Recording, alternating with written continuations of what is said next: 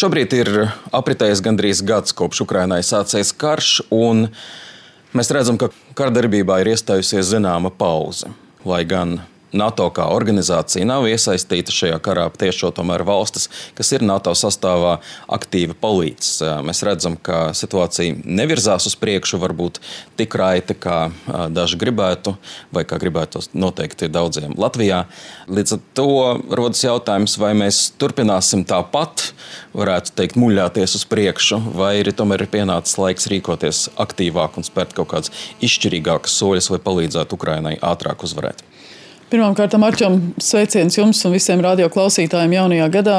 Un, lai tas gads mums ir visiem Ukraiņas uzvaras krāsās, es domāju, to jebkurš Latvijas iedzīvotājs ik viens parakstīsies zem šī vēlējuma. Un, uh, paldies arī par darbu, ko jūs darat un jūsu kolēģi sabiedriskajos mēdījos. Kvalitatīvs, patiesa žurnālists darbs ir svarīgāks kā jebkad šobrīd, laikā, kad gan Krievija, gan Ķīna ar naidīgiem informācijas uzbrukumiem mēģina sašķelt mūsu gan iekšējā Latvijā, gan arī sabiedroto vidū un citur. Atbildot jūsu jautājumu, pirmkārt, kārdarbībā pauze nav iestājusies. Kā mēs zinām, ikdienas, ik stundas Bahmutas apkārtnē, ne tikai Donbassā, bet arī citur notiek aktīva kardarbība. Tas, ka ne Krievijai, ne Ukrainai nav izdevies iekrot būtiskas jaunas teritorijas, tikai parāda to, cik ārkārtīgi sīvas ir šīs cīņas. Un uh, neapšaubām NATO stratēģija ir pilnīgi skaidra.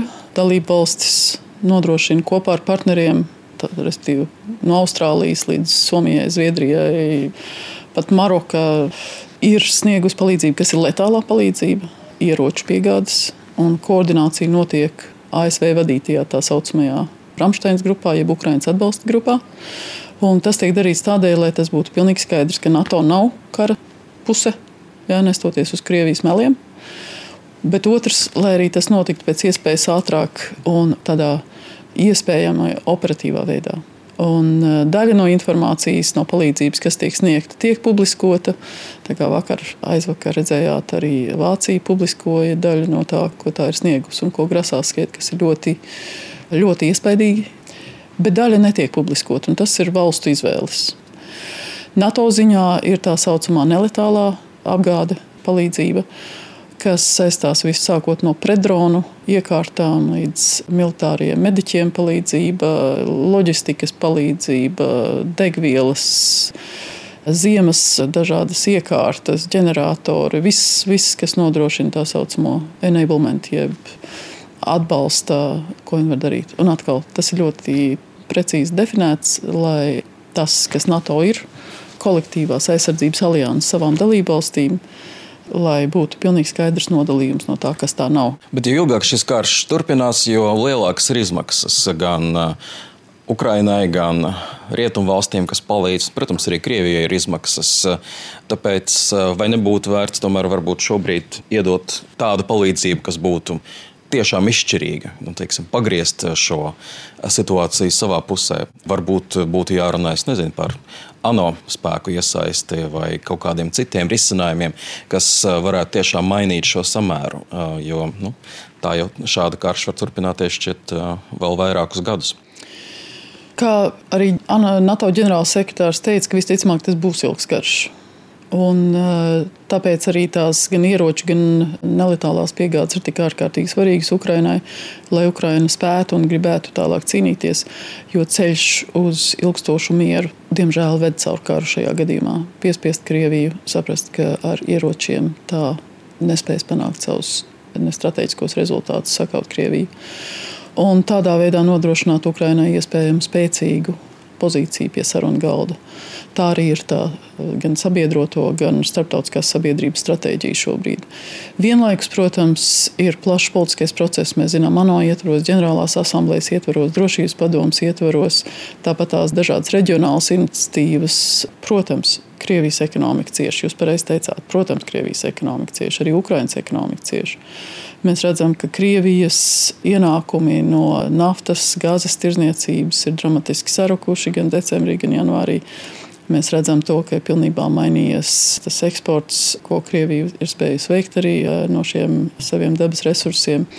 Mēs redzam, ka Krievijas budžeta izdevumi ir dramatiski pieauguši tajā daļā, kas attiecas uz militāriem izdevumiem. Un, lai arī tur nav pilnīgi transparents, vienalga tas ir pilnīgi redzams. Un, tas šādi izdevumi un tas veids, kā Krievija finansē šo karu, nav ilgspējīgi. Tā kā Neapšaubām tas nav dažu nedēļu jautājums, tas ir mēnešu, varbūt pat gadu jautājums. Bet mēs NATO reiķināmies to, ka ātri risinājumi, lai arī kā mums negribētos, diezin vai būs iespējami. Cik liela loma šajā visā spēlē? Teiksim, piesardzība vai pat varētu teikt bailes no kodolieroču izmantošanas no Krievijas? Es domāju, ka tas ir viens no tādiem eskalācijas scenārijiem, vadības elementiem, ka neapšaubāmi Vēlamais uzdevums ir izvairīties no tādas eskalācijas, kas novest pie kodolieroču izmantošanas. Tā kā tas nav bailes, tādi scenāriji izslēgti netiek, bet pilnīgi skaidrs ir tas, ka Krievija ir pateikusi, tāpat kā pārējās kodolvalstis, ka Kodolkarš nav uzvarams, un tāpēc kodolieroču izmantošana netiek pieļauta. Pāriesim pie Somijas un Zviedrijas iestāšanās NATO. Šobrīd nu, daudz tiek runāts par Turciju un viņu prasībām vai diskusijām, et sevišķi Zviedrija, bet arī Ungārija nav ratificējusi iestāšanās dokumentus, iestāšanās protokolu. Ko Ungārija īsti vēlas, vai jums ir skaidrs? Pēc mūsu rīcībā esošās informācijas, tas, ka Ungārija neratificēja pagājušā gadā, bija saistīts ar parlamenta darba apjomu vienkārši fiziski. Un ka tas tiks izdarīts tagad parlamentam atsākot darbu jaunajā sesijā, februārī. Tā kā skatīsimies, eh, nekādi politiski šķēršļi vai kaut kas cits, kas tiktu indicēts no Ungārijas puses. Mūsu rīcībā tādas informācijas nav. Un Turcija mēs gaidām, kamēr paies prezidenta un parlamenta vēlēšanas. Tās šobrīd šķiet ir tā stratēģija. Sarunas un darbs ar Turciju, starp Turciju, Somiju un Zviedriju nav apstājies. Arī Mūsu kolēģi, ģenerālsekretārs un citi kolēģi pilnībā atbalsta to procesu. Protams, tas nav NATO ietvaros notiekošs process, tas ir starp šīm trijām valstīm. Gribās ticēt, ka kaut kāds progress ir iespējams arī pirms vēlēšanām, ja nē, tad uz nākamo samitu. Runājot par Viļņas samitu, vai mēs varētu sagaidīt kaut kādus lēmumus attiecībā uz um, austrumflāgu, uz Baltijas valstīm, um, mūsu drošības stiprināšanu, kādus lēmumus par šo? Es saprotu, ka šis ir process, protams, daudz kas jau ir izdarīts, bet uh, kādā virzienā mēs varētu skatīties gaidot šo samitu? Jā, nu, alianses militārā stratēģija, kā jūs pareizi atzīmējāt, būtiski mainījās 2019. gadā, kad jaunā alianses militārā stratēģija tika pieņemta, un tā koncentrējās tieši uz kolektīvās aizsardzības stiprināšanu. Tas saistās ar veselu rindu praktiski piemērošanās pasākumiem. Tas nav saistīts tikai ar to, ko pagājušā gadā mūsu politiski militārie kolēģi veica ar aktīvās klātbūtnes pastiprināšanu, ar spēku nodošanu augstākā NATO augstākā virspavēlnieka pakļautībā. Jā, nevis vairs nacionālo komandieru rīcībā, bet tieši NATO komandieru rīcībā. Tagad ir apmēram 40 tūkstoši cilvēki un, un dažādas citas spējas. Gan, gan lidmašīnas, gan kuģi, gan vispārējais arī visu mācību daudz ciešāka koordinācija, secīgums un kāda spēja šajās mācībās tiek izmantots. Tāpat pasākumu un lēmumu kopums, kas saistās ar gatavības paaugstināšanu, kas nozīmē, ka teiksim, tie, kas ir gatavi nekavējoties vai trīs dienu laikā, vai piecu dienu laikā piedalīties, ja nepieciešams, atbildes reakcijā. Tāpat tas saistās ar tālāko plānu detalizāciju, aizsardzības plānu, jo, kā jau teicu, NATO ir aizsardzības alianse un visa aizsardzības plānošana saistās ar 30 sabiedrotajiem. Vai tajā brīdī, kad arī Somija, Zviedrija būs, jau darbs ar viņiem turpinās arī, lai viņus iekļautu šajā aizsardzības plānošanā. Un tas nozīmē gan precīzi saprast, kādi spēki tiek izvietoti, kur kādas spējas tiek izvietotas, kur kas ir nepieciešams, lai būtu tāda iepriekš novietotas iekārtas un amunīcija vai kādas citas spējas valstīs. Šis ir diezgan liels darbs, ko mūsu militārie kolēģi pašlaik veic.